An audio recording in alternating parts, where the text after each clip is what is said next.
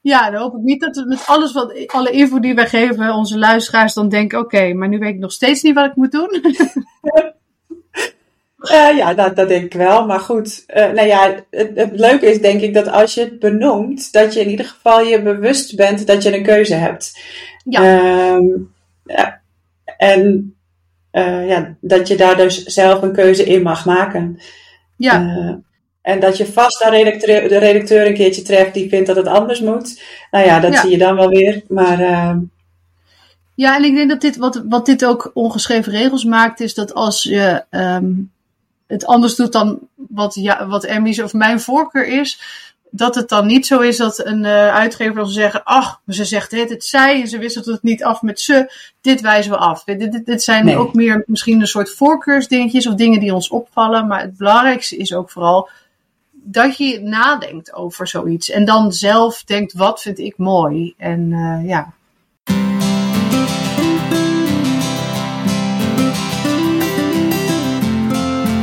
Hoi, welkom bij Schrijfpraat, de podcast. Wij zijn Emmy en Kim en in deze podcast praten wij over schrijven en over alles wat daarbij komt kijken. We spreken boeiende gasten, behandelen interessante onderwerpen en we drinken thee en koffie. En we lachen, dat ook. Vooral om onszelf en onze eigen valkuilen. Want boven alles is schrijven gewoon leuk. Even een kleine disclaimer. Omdat wij de podcast op afstand, dus online opnemen, is de geluidskwaliteit niet van studioniveau. Maar hé, hey, het gaat om de inhoud, toch? Hallo, en we zijn weer terug met Schrijfpraat. Hallo Emmy. Goedemorgen. Goedemorgen, ja. Goedemiddag, goedenavond. Wat oh, ja. mensen luisteren ook op een ander moment, hè? Daar moeten we ook aan denken. Elke keer. En uh, we hadden het, uh, wij kunnen altijd uren kletsen met elkaar. En dan denk ik, ja, dat zouden we eigenlijk ook allemaal op moeten nemen. Maar uh, soms moet je een beetje keuzes maken.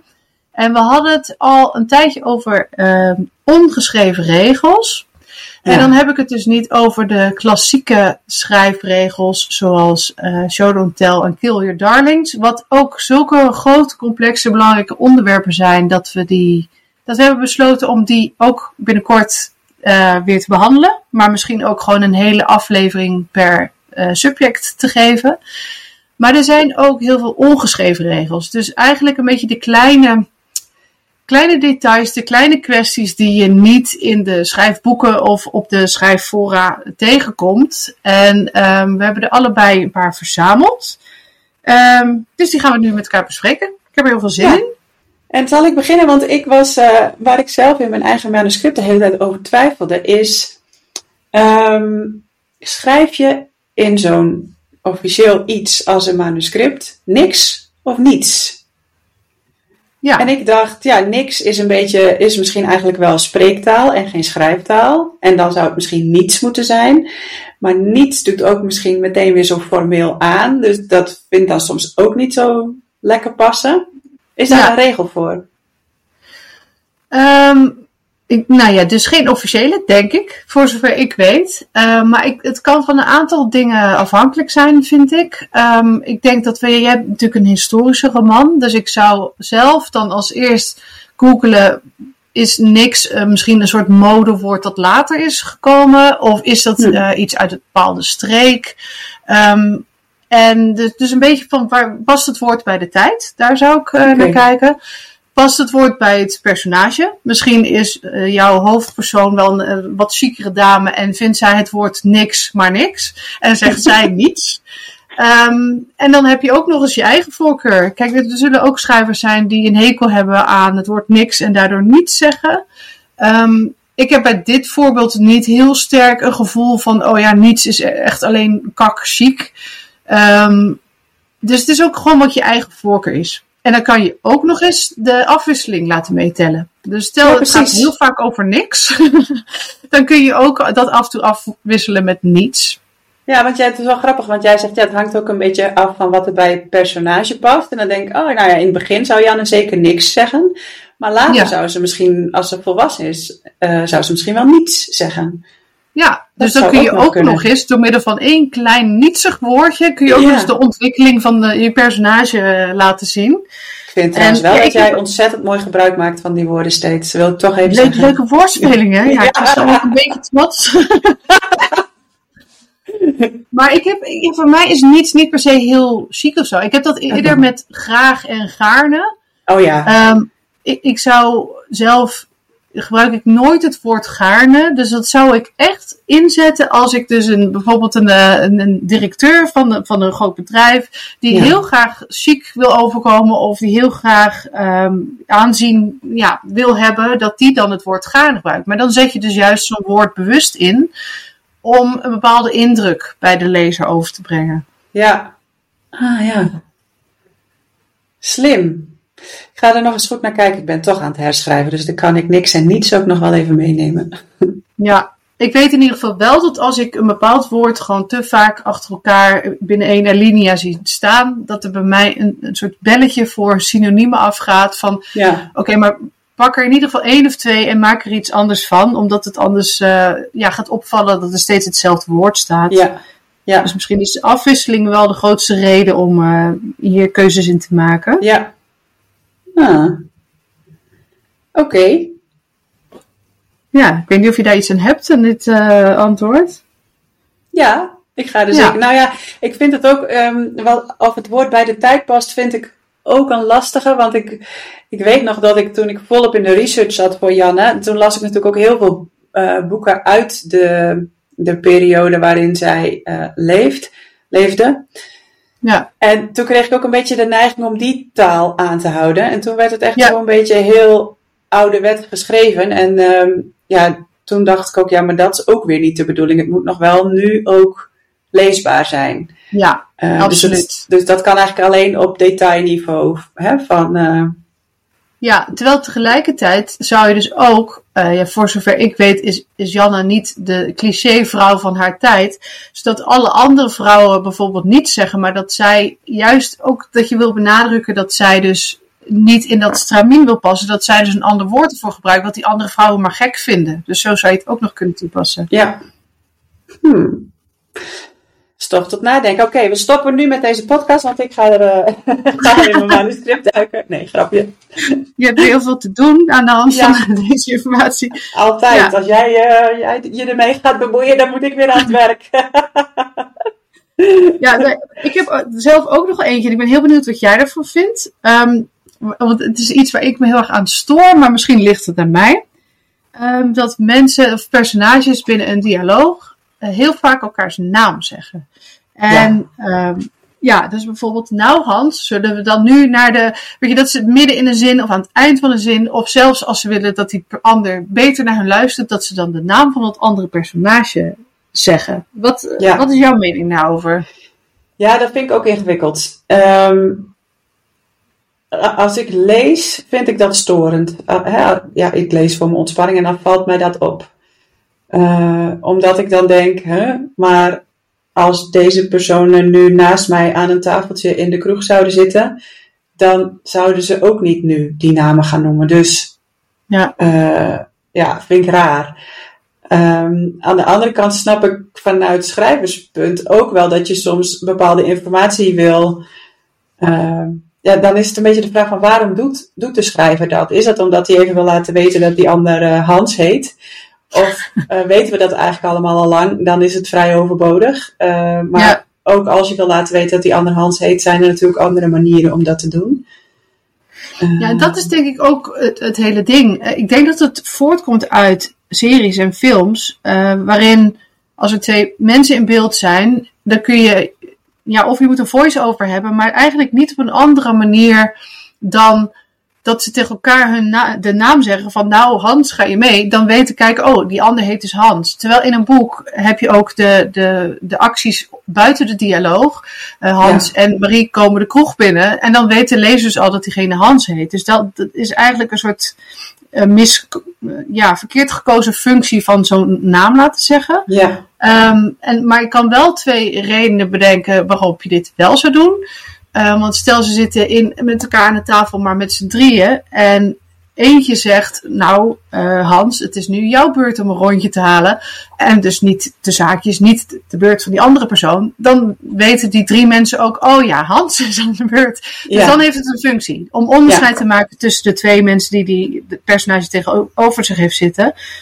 En een andere, wanneer het wel goedgekeurd is, is als het dus een personage is die dat als een soort tik doet. Dus sommige mensen Ah, ja. die, eh, ja, in mijn ervaring vooral eh, marketeers aan de telefoon, die vinden het heel erg belangrijk om, nou mevrouw Linsen, ik heb een hele goede deal voor u. Die, die Ah. doen dat om, om, om een soort persoonlijke band te, te schetsen, volgens mij. Eh, en die krijgen dat ook als opdracht om dat te doen. Maar stel, het is, jouw personage is zo iemand die heel erg graag wil benadrukken dat ze diegene zijn naam weet. Of die heeft een soort, ze is misschien zenuwachtig en herhaalt daarom steeds een naam omdat ze Ja. bang is om die naam te vergeten. Dan heeft het ook weer een functie. Maar dan zegt het Ja. dus iets over het personage en niet over jou als schrijver. Nee, en dan moet je dat dus ook heel consequent volhouden. Dan kan je dat niet één Ja. of twee keer doen. Dan moet je dat gewoon eh, de hele tijd eigenlijk. eh, Dan moet je het eigenlijk zo vaak doen dat, dat de lezer denkt: Oh, die vrouw die zegt de hele tijd iedereen zijn naam. Omdat dat, belang- dat de lezer dus ook zelf concludeert: Oh ja, dit is een trekje van, van dat Ja, personage. Ja. Precies, ja. Ja, en dan als we het toch over personages hebben. ehm, ik vind het ook nog wel eens dat ik dan een boek lees. En waar ik zelf ook wel eens wel veel over heb nagedacht bij het schrijven. Is wanneer schrijf je nou zij en wanneer schrijf je ze. Dus ik bedoel, zij heeft of ze heeft. Eh, Bij Ja. mij is, voor mijn gevoel is dat dat je zij schrijft, dan ligt er een soort nadruk op. Ehm, Ja. En bij ze is het gewoon omdat er nou eenmaal iets moet staan. En je niet de hele tijd die naam wil schrijven. Ehm, Ja. Ik weet niet hoe jij dat ziet. Eh, ja, gek genoeg, eh, de eerste keer dat die persoon genoemd wordt, zou ik altijd zij doen.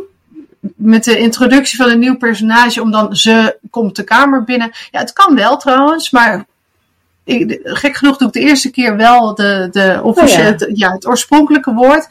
Maar inderdaad, voor de afwisseling dan soms ze. Ehm, en als je dan wil benadrukken, toch weer zij. Ja, Ja. Het grappige was, ehm, ik ken, eh, binnenkort komt Lydia bij ons in de podcast en wij hebben heel lang samengewerkt bij, eh, bij het tijdschrift Vriendin. En zij schreef de stukken en ik deed eindredactie en ik kon haar teksten herkennen aan haar zij en hij gebruik. Oh? Omdat zij, ehm, ja, zij had bijvoorbeeld, eh, ik weet even niet de officiële term, maar ik, eh, ik realiseer mij.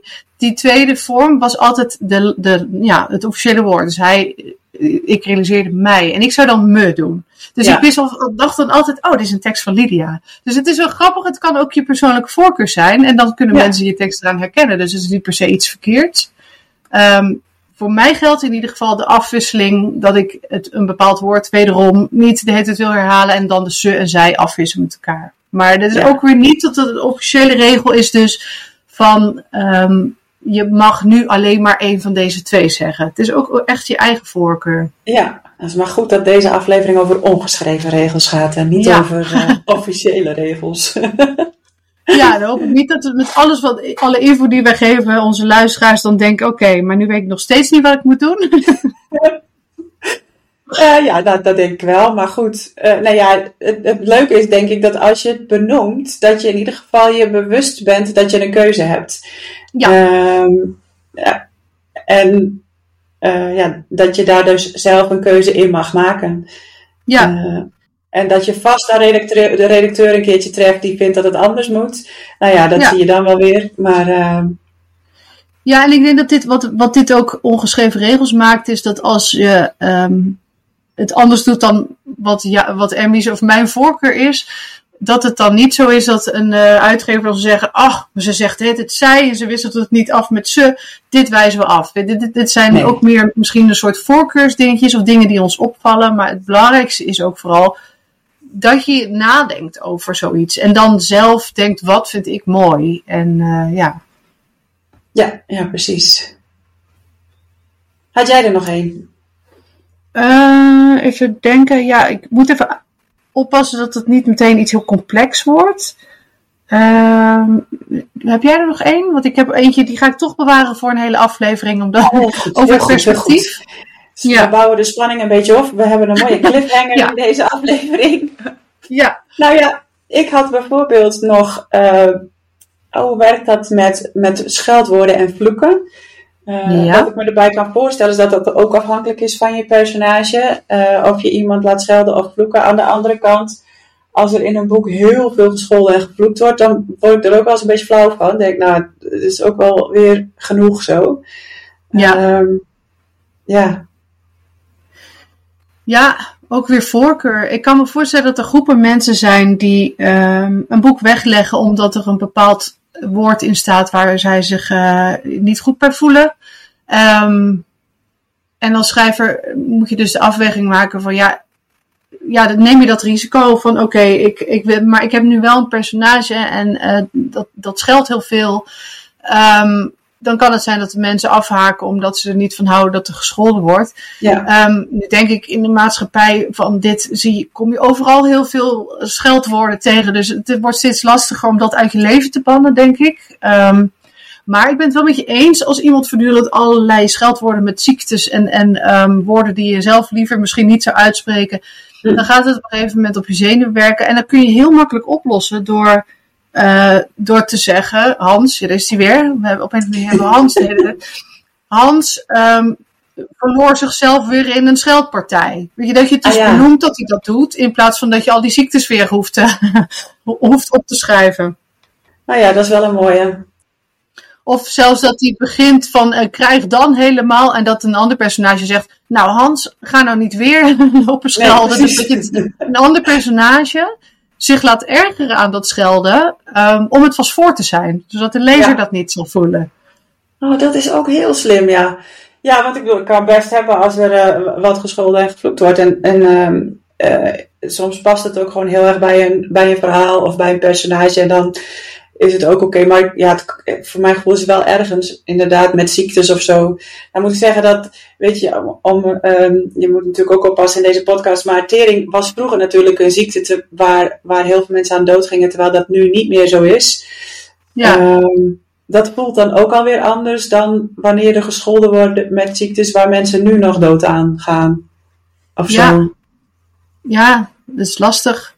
Kijk, dus, uh, je ik heb die associatie er soms ook niet meer bij. Krijg de kleren, dat is ook van coleren, van cholera, of weet ik waar het precies vandaan komt. Maar dan, da daar heb je niet meer de associatie mee. Zoals bijvoorbeeld, nou ja, laat ik het woord maar noemen met kanker, waar iedereen inmiddels wel um, zelf een gevoel bij heeft. Ja, terwijl het Oh, precies bij die ziekte. Kijk, ik heb, er zijn ook een aantal boeken over uh, mensen die dat zelf hebben meegemaakt en daarover schrijven. Ja. En uh, die dan zelf het grapje kankerwijf maken. En dan, ja, ja juist omdat, omdat ze het zelf zeggen, kan het weer wel. Snap je? Dus ja. het is.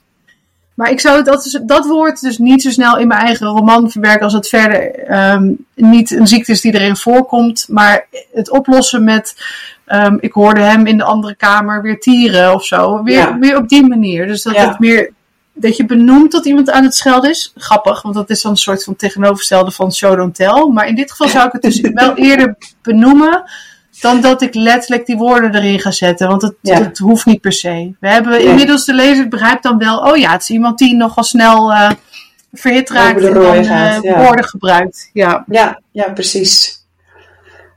Um, ja, ik heb er nog wel een hoor. Want ik heb allemaal van die dingen. Eh, wat ik me ook nog heel goed herinner van de eerste redactieronde, bijvoorbeeld van mijn eigen manuscript. Um, als je een zin niet afmaakt, omdat je. Ja, waarom doe je dat eigenlijk? Om, soms uh, zet je er dan meerdere puntjes achter, toch? En ja. uh, ik weet nog wel dat ik in de eerste versie van mijn manuscript soms wel echt vijf of zes puntjes ergens achter had gezet. En dat die redacteur toen zei, nou, drie is ook genoeg. Is dat ook de regel om dan drie te doen? Of ja, dat is oh. wel volgens mij een vrij uh, zwart op wit regel. Dat drie puntjes betekent, um, die persoon wil nog meer zeggen, maar het wordt afgebroken. Oh ja. Um, ik zou het niet toepassen. Dus stel, iemand heeft een innerlijke. Uh, ja, je volgt iemands gedachten van de, van de ik-persoon en hij denkt na, dan zou ik niet bij elke, eh, even, uh, elke pauze in zijn gedachten steeds puntjes zetten. Want dat leest de lezer vanzelf al zo. Als van, uh, hij is aan het nadenken, hij is alles aan het afwegen. Ja. Maar alleen bij een afbreking van een uh, uitspraak zou ik dat doen. Maar er zijn ook andere manieren voor. Ik, ken ook, ik heb ook manuscripten gezien waarbij het dus midden in de zin, dat er zo'n streepje, dus eigenlijk een soort verbindingsstreepje, maar dat het niet aan het woord vastzit.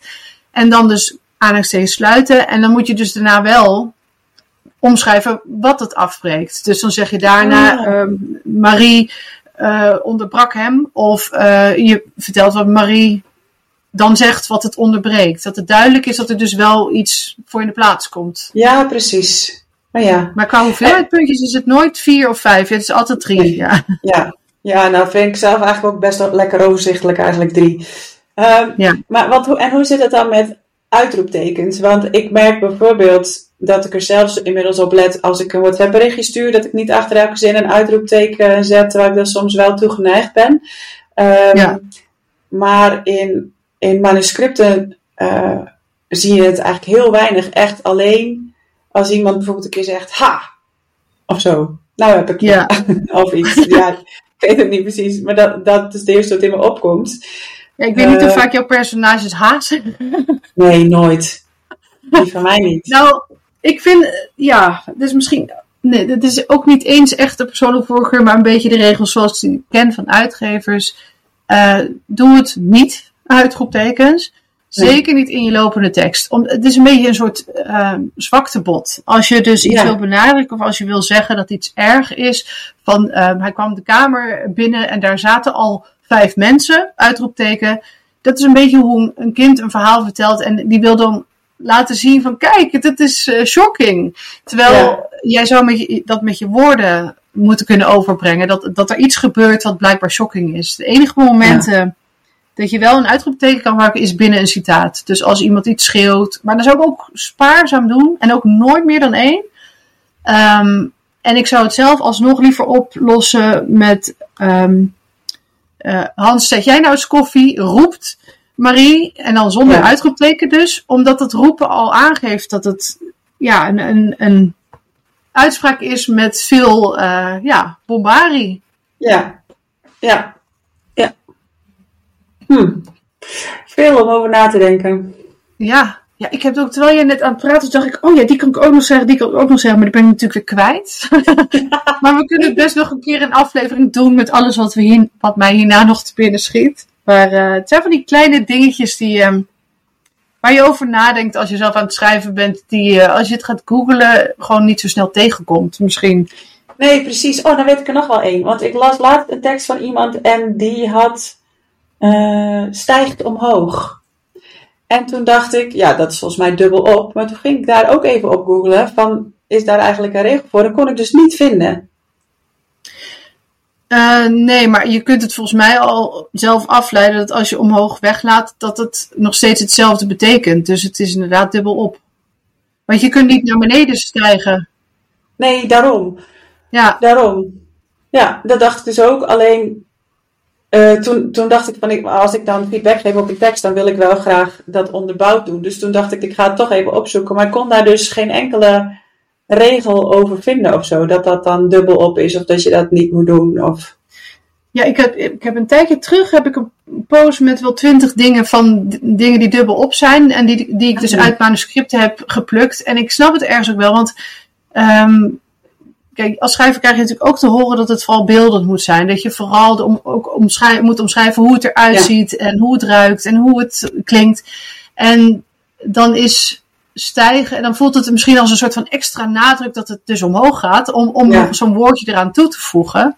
Eh, net zoals als er aan de horizon rijst een gebouw op. Ja, dat is ook dubbel op. En dat is eigenlijk om het meer nadruk te geven, maar taaltechnisch klopt het gewoon niet. Dus ja, daar, daar heb je dan ook wel redacteurs voor die gewoon weten van dit, dit is een samentrekking van twee woorden Ja. die eigenlijk hetzelfde betekenen en dat heb je niet nodig. Nee, precies. Ehm, maar daar heb je inderdaad niet een soort. ja, het, misschien zou je het zo kunnen concluderen als jij eh, stijgt op, googelt en er komt geen resultaat, dan zal het woord wel niet kloppen. dus dan is ja, het. maar eh, stijgt op is denk ik wel weer goed, omdat dat van opstijgen komt. En dat is volgens mij wel weer een woord. Ja, oh ja, wat zei je net dan? Stijgt omhoog. Oh ja, ja. Ja, al is op zich stijgen alleen ook al Ja, zonder op is ook al. denk. Ja, nu begin ik er zelf over te twijfelen. Ja, Maar maar kijk, als een ballon, dan noem je wel op. Een vliegtuig stijgt ook op, toch? Ja.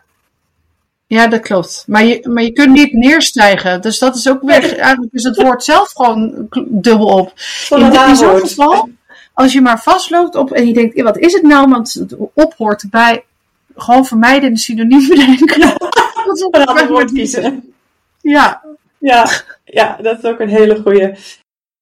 Ik zat net wel te denken van, misschien hebben luisteraars nog van dit soort kleine dingetjes waar je soms heel erg aan twijfelt of tegenaan loopt of denkt hoe zit het nou precies. Laat Ja. het ons vooral even weten, want dat vinden wij heel leuk. En ehm, eh, dan kunnen we die misschien ook nog een keer noemen voor, voor alle andere luisteraars die daar misschien ook weer wat aan hebben. Ja, dat gaan we sowieso doen. En we, hadden, we hebben ons ook voorgenomen om dus de, de klassieke schrijfregels, zoals eh, perspectief, eh, show don't tell, kill your darlings, dat het zo belangrijk is en, en tegelijkertijd ook complex dat we daar gewoon hele afleveringen aan gaan wijden. Ja. Ehm, en ja, maar leg vooral dingen aan ons voor, want we vinden het ook heel erg leuk om dingen te bespreken waar we misschien zelf niet aan gedacht hebben en die ja, gewoon niet makkelijk te vinden zijn eh, in Google. Zeker, zeker. Ik heb er nog één. Mag ik er nog één stellen? Ja, ja. Het gaat over opmaak. Ehm, ik heb namelijk geleerd dat je eh, als je een nieuwe dialoog begint, dat je dan zo'n inspring dingetje doet. Hè? Ja. En laatst zag ik in een kinderboek dat dat niet wordt gedaan. En toen dacht ik, is dat misschien iets dan voor kinderboeken? En toen ging ik nog eens verder kijken en toen zag ik dat dat wel vaker voorkomt in kinderboeken. Is dat omdat je dat in kinderboeken gewoon niet doet? Of Ik denk niet dat, de, ehm, dat dat zo vast ligt. Ik weet dat het een voorkeur van de uitgever is. Ehm, Oh. En dat ze het liefst al hun boeken wel op dezelfde manier opmaken, zodat het ook een, een soort van herkenbaarheid heeft. ja, Eh, ik heb zelf geen kinderboeken, dus ik, ik zou niet weten of het, eh, of het daar standaard zo is. Ehm, maar ook dat, dat met dat inspringen, wanneer je nou inspringt, wanneer niet, eigenlijk ook best een complex onderwerp, wat we zeker een keer moeten bespreken. Wat wel lastig is als je verder geen beeld erbij hebt, maar daar komen we vast wel uit. Ehm, het belangrijkste hierbij is, wees, ja, wees consistent. Dus ja, Ehm, je kunt als schrijver ervoor kiezen van ik vind het heel erg mooi om altijd in te springen, maar doe het dan ook wel overal op dezelfde manier. En Ja. ehm, ja, het staat gewoon slordig als je het in- bij het ene stukje wel hebt en bij het andere niet. Dus dat is eigenlijk het belangrijkste om te onthouden. Want ja, stel je houdt niet van inspringen en je stuurt je manuscript op dan, eh, naar een uitgever die wel van inspringen houdt, dan zal het echt niet daarop afgewezen worden.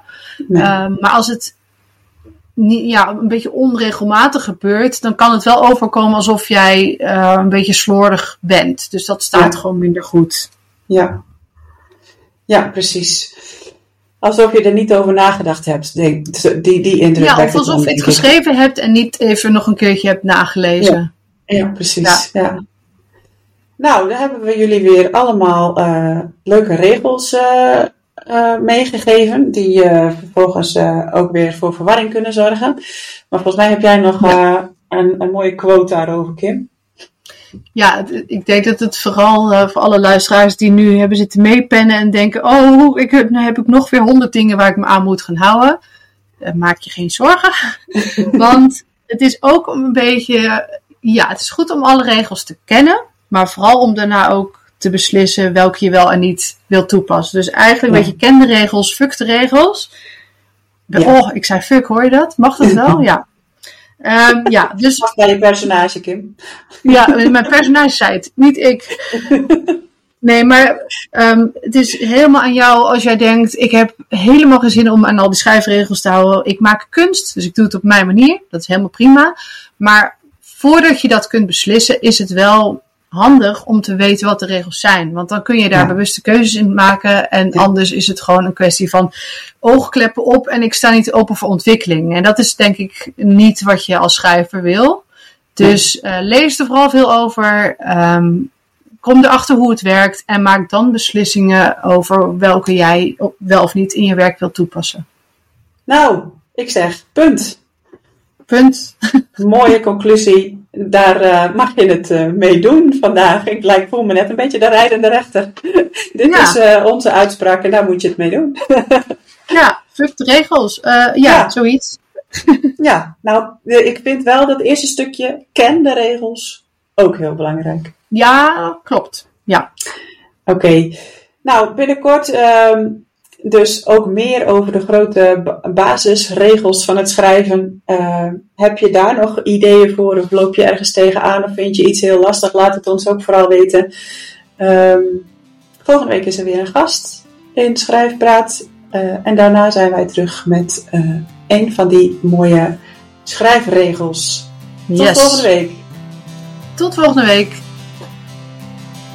Superleuk dat je weer geluisterd hebt. Luister jij graag naar Schrijfpraat en wil je ons helpen de podcast te blijven maken? Dan kun je doneren via petjeaf.com schrijfpraat. Je vindt de link ook in de show notes. Met een review of een beoordeling op iTunes of Spotify help je ons hoger in de lijsten te komen en help je nieuwe luisteraars om ons te vinden. Deel de podcast ook gerust in je netwerk of op social media en tag ons dan even. Wij vinden het fantastisch om te weten wie je luistert. Heb je vragen of is er een onderwerp waar jij onze mening of ervaringen over wilt horen? Of is er iemand die jij graag als gast in Schrijfpraat zou horen? Laat het ons dan weten. Bijvoorbeeld via Instagram. Kim-Linsen-auteur en Emmy.